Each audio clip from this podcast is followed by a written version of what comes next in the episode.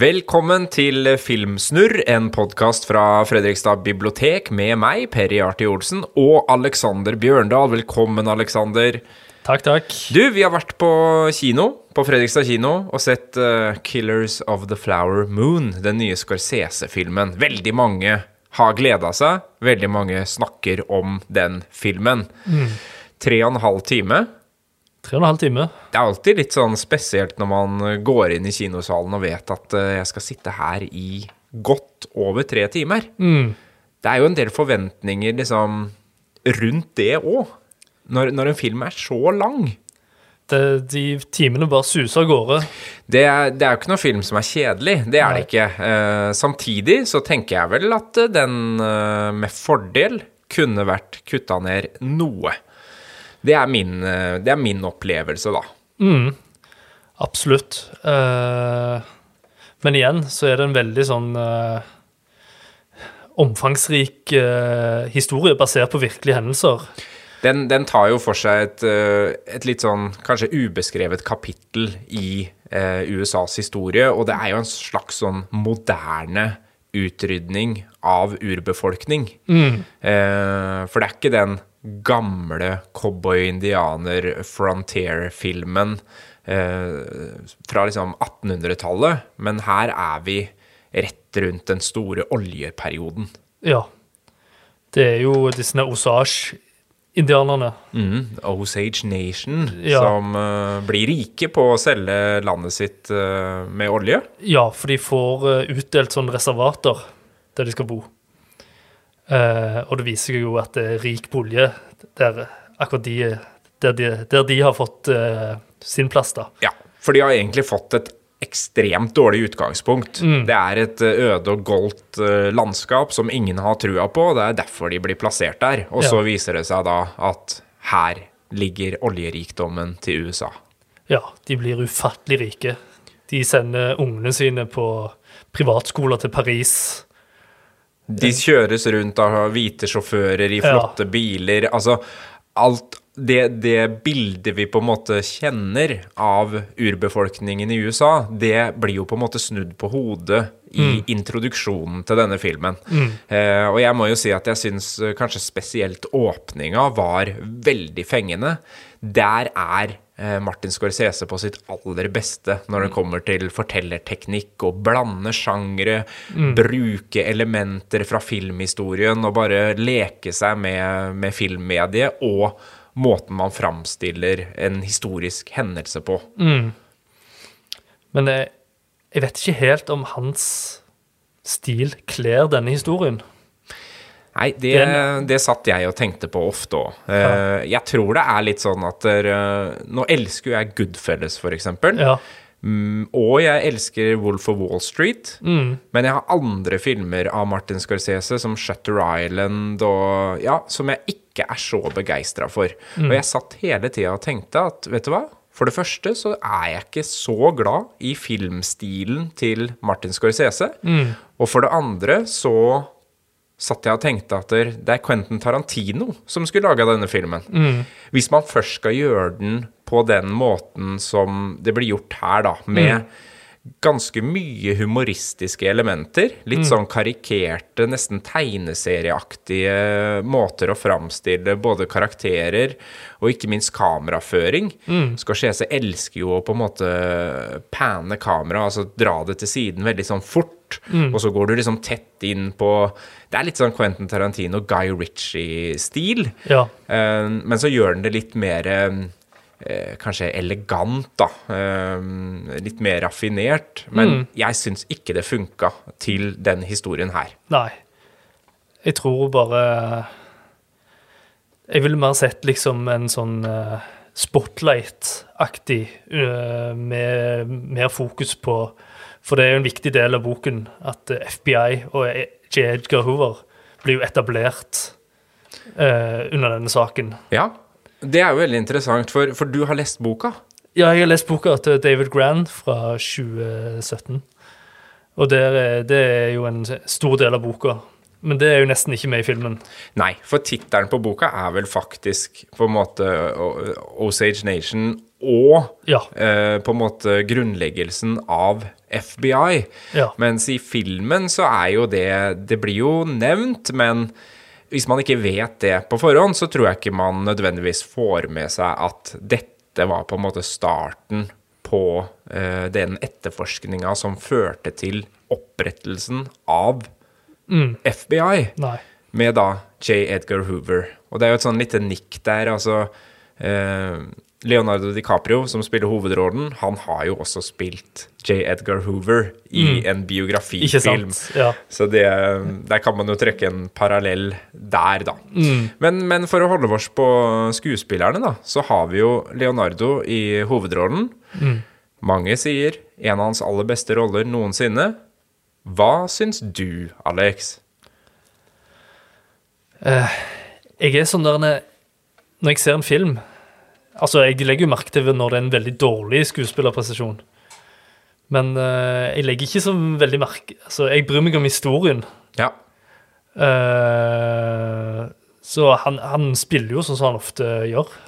Jeg syns jo han er uh, tilnærma for karikert i den filmen her. Litt for overdreven. Ja. Um, det, det jobber på en måte mot han at han er Leonardo DiCaprio, for han prøver så hardt å legge til seg en sånn geip, han har løstenner, altså det er så tydelig at man har hatt behov for å ehm, endre litt på utseendet hans, og så er han ingen kan ta fra han. Han har en utrolig sånn eh, presence på skjermen. Mm. det kan ingen ta fra Leonardo DiCaprio.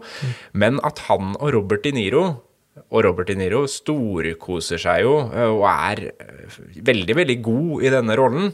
Men at de to på en måte er para opp, det syns jeg liksom jobber litt mot historien, rett og slett. Fordi at det er, de er så Man forbinder dem med så mye annet. Ja. Så det blir på en måte et skuespill eh, når man ser de to sammen. ja. Nei, du er inne Jeg syns det ble for karikert. En så viktig eh, Viktig del av eh, historien. Ja, for det er jo Altså, det kunne vært et forsterkende element, tenker jeg. At man eh, på en måte karikerer det i starten, sånn at det blir eh, verre å se på voldshandlingene senere, for eksempel. Men jeg føler liksom at man holder en sånn Kall det litt sånn lett tone Ja. gjennom hele Ja, filmen. det en lett tone. Og det syns jeg ødelegger litt for eh, helheten. Ja. Men så er det én skuespiller, da, nemlig Lily Gladstone, som, eh, som eh, spiller på en måte en av de uramerikanerne Ja, som stjeler showet, altså. ja hun stjeler showet. For og, å utspille Leonardo DiCaprio og Robert De Niro, det skal noe til, men uh, her her kan vi bare si at den første Oscar-statuetten er sikra. Det kommer til å bli Lilly Gladstone. Det er jeg helt overbevist om. Det tror jeg òg. Ja, ja. Alt, alt stemmer. Ja. Ja. Alt med representasjon, med skuespillerprestasjon, med historien som ligger til grunn. Eh, dette blir eh, en garantert Oscar. Ja. Det var jo 'Killers of the Flower Moon', men, men det er jo egentlig um, Det er jo egentlig halloween vi skal snakke om. Halloween, ja. Ja, Mhm. for nå er det jo rett rundt hjørnet. Mm Med skremming og små barn som kommer for å hente godteri og Ja. Ja. Men da skal vi se skrekkfilm, selvfølgelig, Alex. ja, ja. Vi lukker ikke opp. Vi lukker ikke opp, vi Nei. stenger ned eh, vinduene og setter på den skumleste filmen vi vet. Ja. Og da Dere skal få to gode tips. Og skal vi begynne med deg, Alex? Kan vi begynne med meg? Ja? Eh, det, det er jo så mange filmer veldig Det er jo eh, så mange klassikere, og det lages mye bra skrekkfilm. Eh, jeg har valgt den fra min sånn uh, Fra ungdomstida mi, så jeg var og så på kino. Som kanskje har blitt litt sånn uh, glemt. Den er i sånn samme kategori som Sjette sansen, vil jeg si. Og kom, den Sjette sansen kom vel i 99. Ja. Denne kom i 2001. Eh, og sånn der det, Altså sånn rundt 2001 til 2004 Altså det er jo ble jo lagd så utrolig mye bra film i det spennet der. Det gjorde det. Ja. Det var bare sånn kreativ boost. Mm. Og det var, var kanskje også en ny vår for uh, skrekkfilmsjangeren. Mm. Um, og litt de der mer sånn som Sjette sansen, som er en sånn mer stillegående, slow burning thriller med skrekkelementer i seg. Ja. Eh, men en veldig gjennomført film. Ja. Ikke noe som er lagd bare for at man skal skvette, eller at det er en morder som eh, løper gjennom rommet. Altså Nei. litt sånn forseggjorte filmer. Ja. Og det er jo den filmen jeg eh, skal snakke om nå. Det er jo The Others Oh. med Nicole Kidman, som spiller Grace. Som har to barn som lider av en hudsykdom. De tåler ikke lys.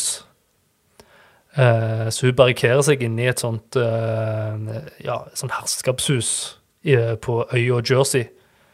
Uh, så dette er jo 1945, så det er under tysk okkupasjon. Um, og filmen er jo en sånn, har en sånn gotisk stil. altså Det er herskapshus, det er litt sånn tåkete, ikke sant? Og det er en sånn der en, fortiden som jakter på nåtiden. Ja. Eh, Og alle elementene ligger jo til rette der, som du sier. Det skal være mørkt hele tida. Mm. Det er et øde herskapshus. Det er vel en kirkegård rett ved der. Det er det. Det er liksom alle de der klassiske elementene. Mm. Ja. Uh, så det er jo uh, Det som er interessant her, da, er at han snur litt.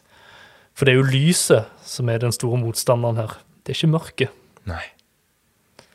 Så hun har jo svære gardiner, for de må jo for all del ikke få lys på seg. Snur rett og slett rundt på hele inngangen til hva som skremmer oss. Ja. Eh, og så liker jeg når en eh, skrekkfilm har eh, flere lag, og det har jo den her. Så etter jeg har blitt eh, pappa og sånn, så f- du, eh, det, det handler kanskje ikke så mye om, eh, for min del, om hud, den hudsykdommen. Det kan være hva som helst. Du vil beskytte ungene dine for ondskapen utenfor, på et vis. Ja. Den har jo veldig mange lag, som Ja. du sier. Og er jo både liksom filmatisk veldig interessant, Mm. og så har du den eh, storyen da, som hele tida ligger der. eh, og uten å avsløre noe, så kan vi vel Jeg så den sjøl på kinoen. Mm. Og det er vel en av de eh, største sånn Er det sant? Ikke sant? Ja. ja. Øyeblikka jeg har hatt. Så spiller jo Nicole Kidman uh, Jeg nevnte jo før at jeg ikke legger Men hun spiller jo utrolig bra, da. En av hennes få skrekkfilmprestasjoner Ja. Ja. er jo ikke først og fremst kjent for å spille i skrekkfilm, Nei. men det er jo litt typisk da at når hun først sier ja til det, så er det i en sånn type film eh, som har en helt annen liksom, dybde og substans enn de der Mm. eh, skvetteskremmefilmene. Har òg noen skvettesekvenser her, da. Ja, Så du, Helt klart. og så er det jo eh, Jeg nevnte kanskje ikke regissøren, men eh, det er en eh, Alejandro Amenbar, chilensk-spansk regissør, Mhm. som er veldig interessant, da. Så har filmer som eh, Open Your Eyes og, og flere sånne The Sea Inside, blant annet, med Ja. Javier Bardem. Ja. Eh, som, er en, som er en litt annerledes film igjen. Det er jo mer en, en dramafilm. Mm. han han er nok mer i den der kunstfilmkategorien. ja, så, det, så dette er ikke så typisk han.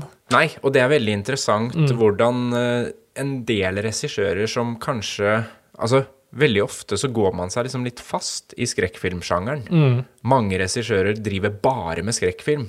Men de mest vellykka filmene syns jeg ofte kommer fra regissører som ikke nødvendigvis bare opererer innenfor skrekkfilmsjangeren, men Nei. som har laga andre typer filmer fordi det er historiefortellinga og drama som ligger til grunn. Ja. Og så legger man på en måte på sjangeren etterpå, Mm. i stedet for å begynne i andre enden og si vi må ha så og så mange skumle scener. Ja, Det, dette er jo et psykologisk eh, skrekkdrama. det er også. psykologisk. Så han, eh, han bringer kanskje noe annet til sjangeren, da. Mm, det vil jeg absolutt si. Og så er det òg en sånn eh, den, den er løst basert på en eh, annen sånn gotisk skrekkfilm som heter The Innocents fra 1961, som handler om noe av det samme, da. Ja. Eh, som har Og en, en film som har holdt seg veldig bra. Ikke så lett å få tak i, men du finner den på ulike strømmetjenester. Og du kan låne den gjennom eh, fjernlån, da. ja. Så eh, det er to tips. Ikke sant? Og det er jo et originalmanus, ikke basert på noe annet enn enn en tidligere film. eh, ideen, da. Um, men som du var inne på, det derre gotiske Ja. får meg jo til å tenke på Mary Shelley. Altså Frankenstein. Altså den måten å angripe et tema på, å gjøre det til skrekk. Ja. For der handler det jo også om liksom annerledeshet, det å være Ja. utenfor, det å bli stengt borte fra noe. Det er jo en del av de elementene der som også gjør seg gjeldende i The Others. ja, det er jeg veldig svak for.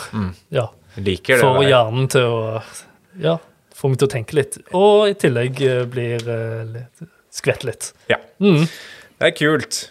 Jeg har øh, det, det passer egentlig veldig bra med den filmen jeg har valgt. For jeg har jo gått for en skikkelig klassiker, da. Ja. Det er altså i 2023, 50 år siden The Exorcist hadde premiere og skremte livet av folk.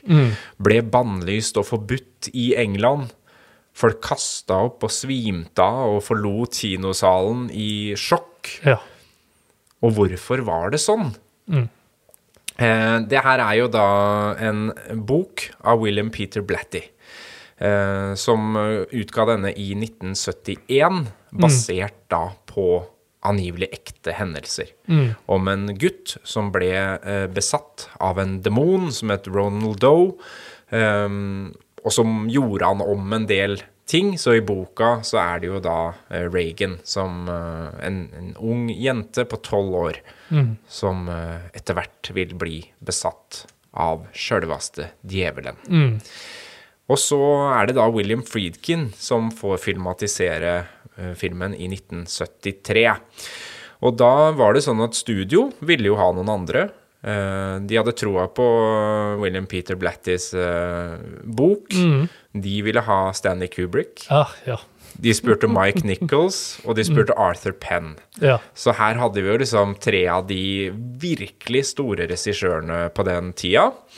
Det ble aldri dem, for William Peter Blatty var helt klar på én ting, og det var at William Friedkin er mannen som skal eh, regissere denne filmen. ja. Og så er det jo sånn eh, The Exorcist har 50-årsjubileum i år, og i august så døde uh, da William Friedkin, og etterlater seg en fantastisk filmografi. Altså, i 71 så hadde jo Will, uh, altså hadde William Friedkin regissert The French Connection. En ganske sånn hardkokt action-detektivfilm. Med Gene Hackman i hovedrollen, som går undercover for å avsløre et narkotikanettverk. Eh, Den, eh, den er jo uh, veldig Den er rå. den er skikkelig rå, fantastisk film, og en av de første sånn, eh, hva skal man si, 18-årsgrense action-thrillerne som vant Oscar for beste film og for beste regi. Ja. Så med seg i bagasjen inn til The Exorcist, så har han jo liksom to år tidligere vunnet alle de store prisene eh, under Oscar-utdelinga, og gjort det på en ganske sånn banebrytende måte. For før det så var det på en måte de store, episke Hollywood-filmene, eller dramaene, som som regel stakk av med seieren. Så han eh, var jo var tidlig ute med å liksom sprenge grensene for å lage det som tidligere hadde blitt sett på som eh, en kategori med film, da, som ikke nådde opp i Oscar. Men eh, Nemlig- hadde han lagd noe skrekkfilm? Hadde ikke det, vet du. Nei. Hadde ikke det, vet du. Men det kom nå, da. Ja. Så han, der, der er vi jo inne på akkurat det der, med å ha med seg noe som gjør at man først og fremst er ute etter å fortelle en historie. Ja. Det var det som fanga han med, med The Exorcist. Og The Exorcist har på en måte alt. Det er et familiedrama om en mor og en datter. Det er eh, og ikke minst da denne presten som vi møter i The Exorcist, fader Carris og hans mor. Der ligger det også en eh, veldig vond historie. Um, og så er det et eksistensielt drama og kampen mellom det gode og det onde. Og det handler liksom om tro. Ikke, ikke nødvendigvis religion, men tro. Tro på hva du kan gjøre for andre, og ikke minst hvor langt du er villig til å gå uh, for barnet ditt. da.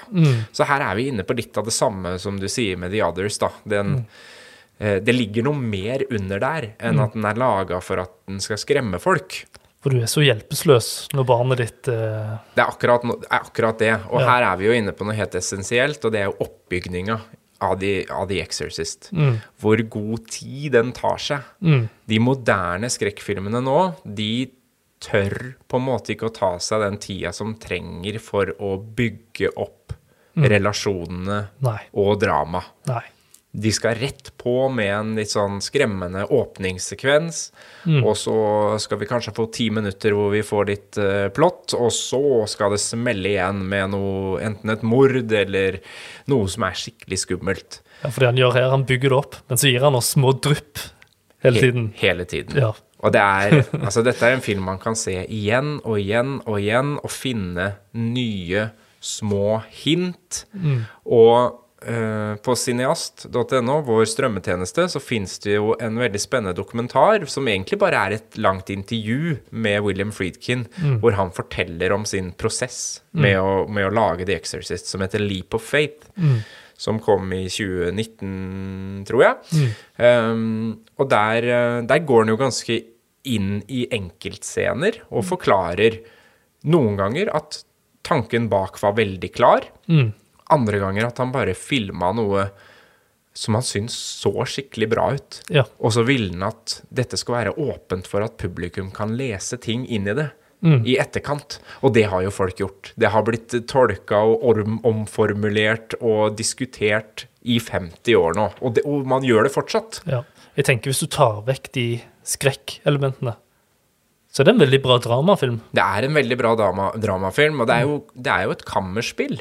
Altså, den foregår på veldig få plasser. Den er innafor husets fire vegger. Du kan overføre det til veldig, veldig mange ting. Stephen King har jo sagt at det er en protest mot Vietnamkrigen. Ikke sant? Eh, andre leser politiske temaer inni her, og, og hvordan Watergate spilte inn i eh, den politiske perioden. I disse tider kan man jo tenke seg at du har psykisk eh, Psykisk Mental- helse. ja, ikke med- psykisk helse. Ja, for det er jo også et veldig stort poeng her. Det er jo det derre hva, hva gjør man når vitenskapen ikke strekker til? Man har prøvd alt. Legene har undersøkt dette barnet opp og ned. Og det er tilsynelatende ingenting som hjelper. Nei. Så frustrasjonen blir jo så stor at til slutt så har du bare troa igjen. Og det er jo da Ellen Burston, som spiller mora, da, går til eh, presten fader Mm. Og så er det jo et viktig poeng her at dette er jo en prest som er i ferd med å miste troa si. Som lurer på om han kanskje ikke er egna for å være prest lenger. Så dette er jo prøvelsen. Veldig mange ser jo The Exorcist og tenker at der, dette handler om et lite barn som har blitt besatt av djevelen. Så han Det tenker at uh, når han ser sånn ondskap, så må det gode òg eksistere. Ja. Det er jo et veldig godt poeng. Og så er det det at det handler på en måte aldri om denne lille jenta som er besatt. Det handler om hvordan djevelen bruker henne som et instrument for å knekke trua til fader Carris. Ikke sant? Det er det som er nøkkelen i The Exorcist. Du må huske på at han har ikke møtt Reagan engang før eh, hun blir eh, besatt. Så han har aldri møtt denne jenta som normal. Han kjenner henne ikke, han vet ingenting. Han har ikke noe eh, på en måte driv for seg sjøl for å redde denne jenta. Nei. Dette handler om noe større, ikke sant? Og hvilken plass han skal ha i historien og i sin tro. Og det gjør jo at eh, å si, det eksistensielle i filmen blir eh, mye, mye mer forsterka. Når man ser den i lys av det, så blir det en helt annen film enn Og er ikke det den filmen om hun jenta som blir besatt? Mm. Det er et instrument for å teste trua til denne presten. Det er en sånn scene på sykehuset der hun blir De skal sjekke, de sjekker henne, og så setter de en sprøytespiss i henne. Mm. Sier at det var liksom eh, Det var den eh, verste scenen for publikum å se. Det er, det er jo en litt sånn Det er mange ubehagelige scener her. Det er jo Den du sikter til der, der, der trekker de jo ut, og så står det en sånn blodsprut ut Ja. av nakken hennes. Og det, er, det bygges jo ikke opp til at det skal være Altså, det er veldig vitenskapelig, det er veldig sånn instrumentelt, så det, det er ikke noe Det bare skjer. Ja.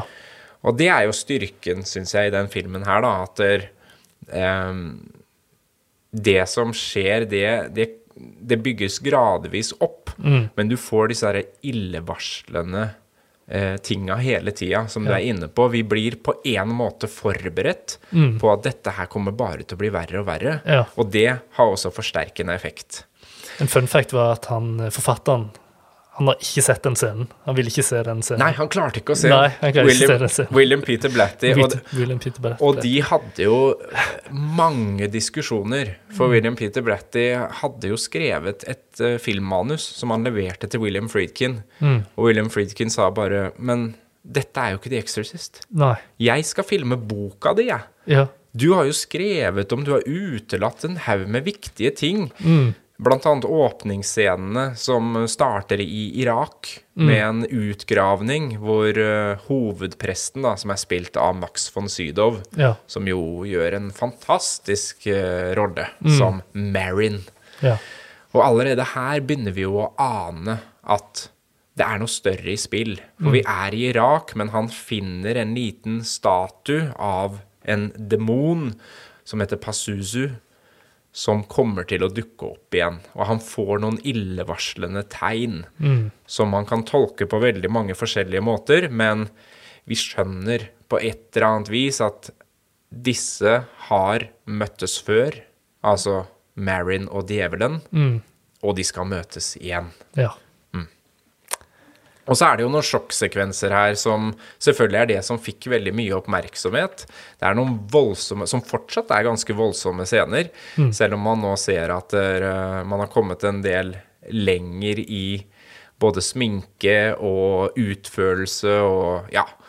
For jeg tenker jo at eh, de er liksom så rå. De er Det, det gjør ingenting at eh, de har kommet lenger nå. Nei, og det er jo det som er med, med Friedkin som regissør, at han er veldig upolert. Han er veldig rett på sak i alt Ja. han gjør. Eh, og han bruker også en kinematograf, altså en som filmer eh, Som egentlig var dokumentarfilmskaper. Blant annet var med Fidel Castro og, og filma Castro under hans uh, tid. Ja. Og det har, uh, har Friedkin beholdt, både i The French Connection, kanskje spesielt der, men også i The Exorcist. De øva ikke inn scenene. Altså, han lot denne fotografen få vite, ikke få vite så veldig mye. Så uh, det gjør jo at det blir veldig dynamisk. Det gjør at det blir litt mer teater, nesten. Ja. Fordi at der, uh, han vet ikke hvor disse prestene skal bevege seg. Han vet ikke hvor eh, Gene Hackman skulle gå når det var et avhørsscene i The French Connection. Så han må hele tida jobbe for å finne scenen. Og det ville Friedkin ha. Ja. Han, han liker det der at Ja, men da stelte seg jo foran kamera, eller vi fikk ikke med ansiktsuttrykket. Det bryr han seg ikke om. Han vil ha, han vil ha den derre organiske, ekte følelsen av hvor hadde du vendt blikket hvis Ja. du var i rommet? Og det gjør jo at The Exorcist framstår på en veldig sånn autentisk måte. Så det, det syns jeg er veldig fascinerende. Og så kunne den sett helt annerledes ut, da. De hadde jo tenkt Marlon Brando som Marin Ja. i stedet for Max von Sydow. De snakka om Jack Nicholson som Father Carras. Og um, Paul Newman var interessert. ja. Og her var det sånn at um, de faktisk hadde hyra en skuespiller som heter Stac- Stacey Keach, som hadde fått jobben. Og så var da uh, Friedkin og så et stykke hvor uh, Jason Miller spilte. Og han fikk veldig sansen for han. Og Jason Miller prøver da på et tidspunkt å overtale William Friedkin til å bytte ut Stacey Keach med seg sjøl. For han sier 'dette er meg'. Ja. Denne presten er meg. Ja. Jeg skulle bli katolsk prest. Jeg, jeg hoppa av.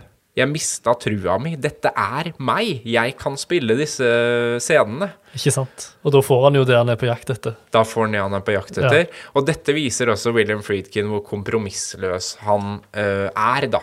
Eh, han vet akkurat hva han vil ha, og han uh, betalte ut da Stacey Keach, som fikk full lønn for hele opplegget. Fikk overtalt studio til det, ikke sant. Og så, og Det er sikkert litt av den makta du har etter å ha vunnet Oscar eh, året før, da. Ja. Eh, Så det, det hjalp nok, det. Og så kommer vi da til lyden i The Exorcist, som er kjempeviktig. Både musikken og lyden er helt avgjørende. Han eh, lot seg veldig inspirere av, av radioteater. Det skal hele tida foregå noe i det huset som gjør deg litt urovekka, litt sånn usikker. Um, men Bernard Herman, da, er en av de virkelig store eh, komponistene innen film. Blant annet laga musikken til Citizen Kane, til Psycho, North by Northwest. Han samarbeida nesten alltid med Hitchcock, ikke sant? Han kommer inn for å lage eh, et utkast.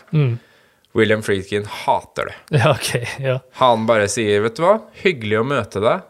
Det her kommer aldri til å gå. Nei.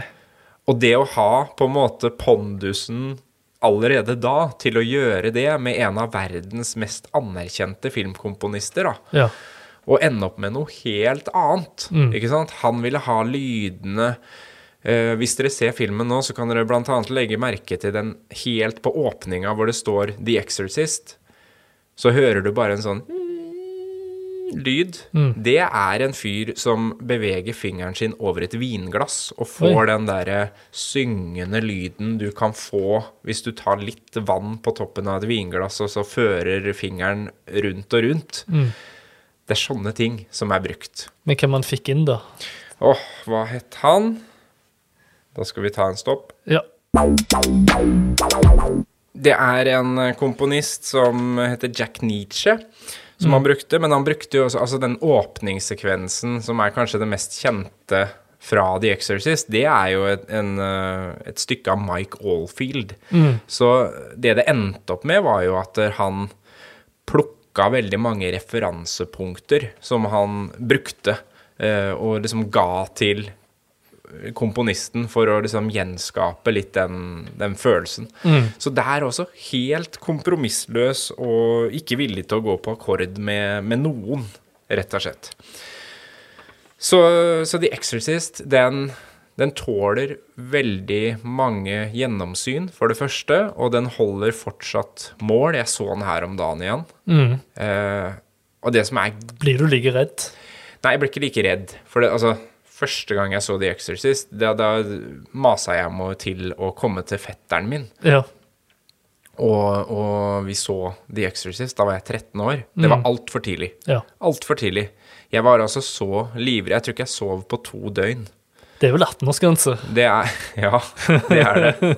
Men det var, det var sånn sjelsettende hvor eh, sterk en filmopplevelse kan være. For du klarer på en måte ikke å se vekk, selv om du Altså, jeg var jo livredd, men, men du klarer ikke å se bort, da. Ja. Så Tenker den- når du er liten, du tror ikke det fins ondskap i verden.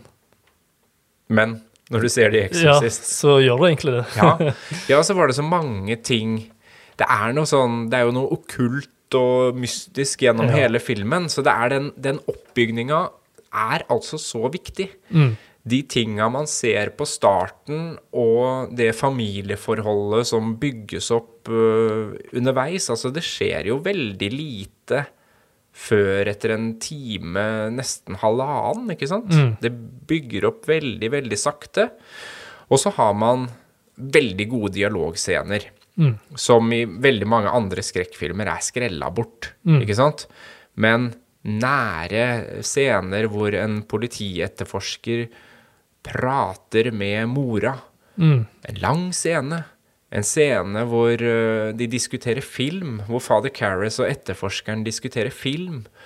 Altså, det er så mange menneskelige elementer som er lagt inn, fordi det handler jo om kampen mellom eksistensen til det gode i mennesket og ondskapen, som du sier, da, som liksom truer et eller annet sted der ute. Mm. tenkte det, det er kanskje noe sånn uh, moderne grøssere De mangler den der backstoryen, det der okkulte. Ja. De, jeg tror de mangler eh, å Eller, si- eller at det er brukt opp på et vis. Ja. Men det er jo Ja, nå Mange, er det mange har jo den Ja. backstoryen, men eh, at det ikke er like sånn Men nå, er, nå er det jo en ny Exorcist-film nå, Det er Exorcist Believer, som går, har gått på kino akkurat nå. Mm. Um, Er det nummer fire? ja, det er vel nummer fire eller nummer fem. Ja. Eh, De bommer jo på en måte helt på konseptet med The Exorcist. Der blir det sånne skremmescener, og det henger ikke sammen med det som er grunntonen i Exorcist-filmene. Dette blir jo en ny Exorcist-trilogi, da, så det er jo bare trist. Jeg tror det hadde Hvis du på en måte hadde gjenskapt den gamle i større grad, så tror jeg det hadde resonnert mye, mye sterkere enn disse litt sånn enkle skvettefilmscenene som, som gjør at det, det blir ikke skummelt. Nei. Det blir ikke, det, du skvetter, ja, men det er bare av lyden eller en sjokkeffekt. Mm. Exorcist er en film du har med deg etter at du har sett den. Du tenker ikke på den enkeltscenen som øh, skremte deg eller fikk deg til å skvette. Du tenker på hele eksistensen Ja. din.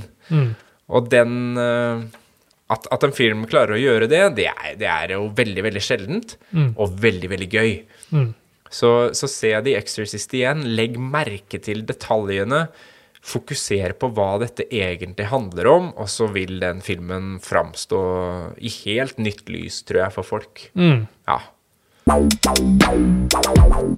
Er det noen andre tips, eller, Alex? Har du, har du sett noe bra film i det siste? Jeg har sett mye bra film på Fredrikstad kino. Jeg har to filmer jeg vil trekke frem.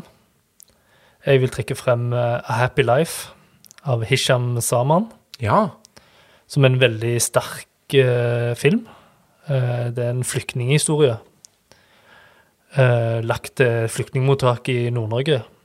Og det har noe det sånn Det har sånn abs noe absurd med seg, som du ikke ofte ser i eh, norsk film. Og så har vi jo òg eh, Fredrikstads uh, Charterhilde. Charter-Hilde er med. Hilde Skodal. Ja, fantastisk dame, det må jeg bare si. Jeg har møtt henne flere ganger. Men kanskje ikke den man tenker at skal gå inn i en eh, filmrolle på den måten. Hun spiller veldig bra. Ja, for dette er seriøst. Hun spiller seriøst, og hun spiller en alvorlig karakter. Og det gjør hun bra. Så den vil jeg trekke frem. Den var ekstra sterk. Og så skal jeg ha en ny filmpreken nå på onsdag som heter så mye som Ola, en helt uvanlig, uvanlig fyr. En, En helt vanlig, uvanlig fyr. Ja. Og det er en sånn film som eh, Ja, det er en eh, dokumentar, da. Og det er en sånn det, Du må gråte litt av. For han er så fin. Jeg bare, jeg har sett en sånn reaksjon etter premiera, Ja. hvor veldig mange kjendiser var invitert. da, Mm. Og kom ut og får liksom kamera opp i ansiktet rett etter de har sett filmen, og sånn Hva syns du? Ja. Og det var flere der som du så både hadde felt noen tårer, og som var tydelig veldig berørt av det de har sett. ja. For han bor jo i et sånt spesielt bofellesskap så, eh, i Vestfold. Uh, I trygge rammer. Men eh, så skjer det ting, da.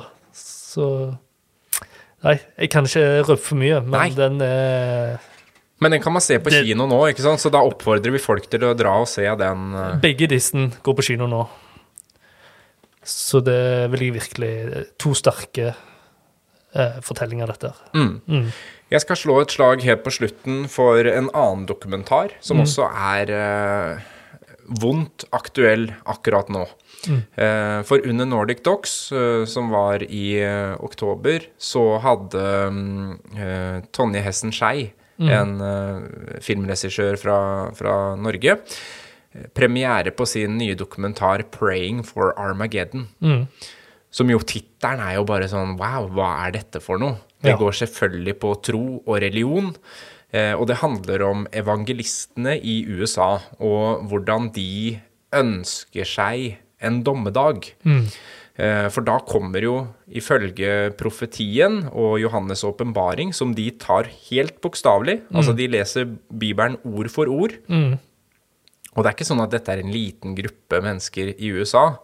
De utgjør over 30% av stemmegiverne i USA. Eh, Så mye av grunnen til at eh, krefter som Donald Trump og andre har blitt eh, valgt inn og fått eh, posisjon.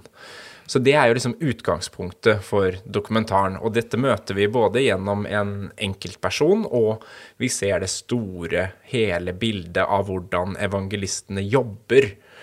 Um, og så drar vi da dette videre til eh, den krigen som nå har eh, blussa opp for fullt i Midtøsten, mellom eh, Israel og Palestina. Og her er vi jo på en måte inne i et skikkelig vepsebol. Men det denne filmen klarer, er jo å forklare hvorfor griper ikke verdenssamfunnet inn når barn blir bomba til døden? Hvorfor gjør man ikke mer for å skape fred i Midtøsten? Eh, USA, og da spesielt med Trump i spissen, men vi ser det jo nå også med Biden på demokratisk side, tar Israels side. Etter, og dette er også under sterkt press fra evangelistene, som ønsker å framskynde dommedag. Og eneste måten å gjøre det på, det er å flytte på brikkene, sånn at den jødiske befolkninga får overta landområdene i Midtøsten. For det er ifølge Bibelen noen landområder som må være bebodd av jødisk befolkning for at Jesus Kristus skal kunne vende tilbake. Det er det disse folka tror på. De tror på avslutninga av Bibelen, Johannes' åpenbaring, helt bokstavelig talt. Og de legger nå til rette i alt de driver med, for at det skal bli en ny kollaps av verden, sånn at Jesus kan komme tilbake. Og det, hvis ikke det er skrekkfilm, så vet jeg ikke. Det, altså, det blir ikke verre enn virkeligheten. Og Tonje Hessen Skei har klart å på en sånn thrilleraktig måte vise hva som skjer i verdenspolitikken, og hvorfor vi sitter med henda eh, og ikke gjør noen ting. Så se 'Praying for Armageddon'. Eh, den er enda mer, dessverre, aktuell nå enn da den for første gang ble vist under Nordic Docs. Da har vi litt forskjellige filmtips, Alex. Det var mye forskjellig. Ja, masse forskjellig. Uh, mye innenfor skrekksjangeren. Og så oppfordrer vi da folk til å gå på kino. Få med dere filmprek. Eh, Alex eh, dukker stadig opp på Fredrikstad kino og intervjuer eh, ulike regissører. Så det mm, kommer vi helt sikkert tilbake til også her i Filmsnurr. Produsert av Fredrikstad bibliotek.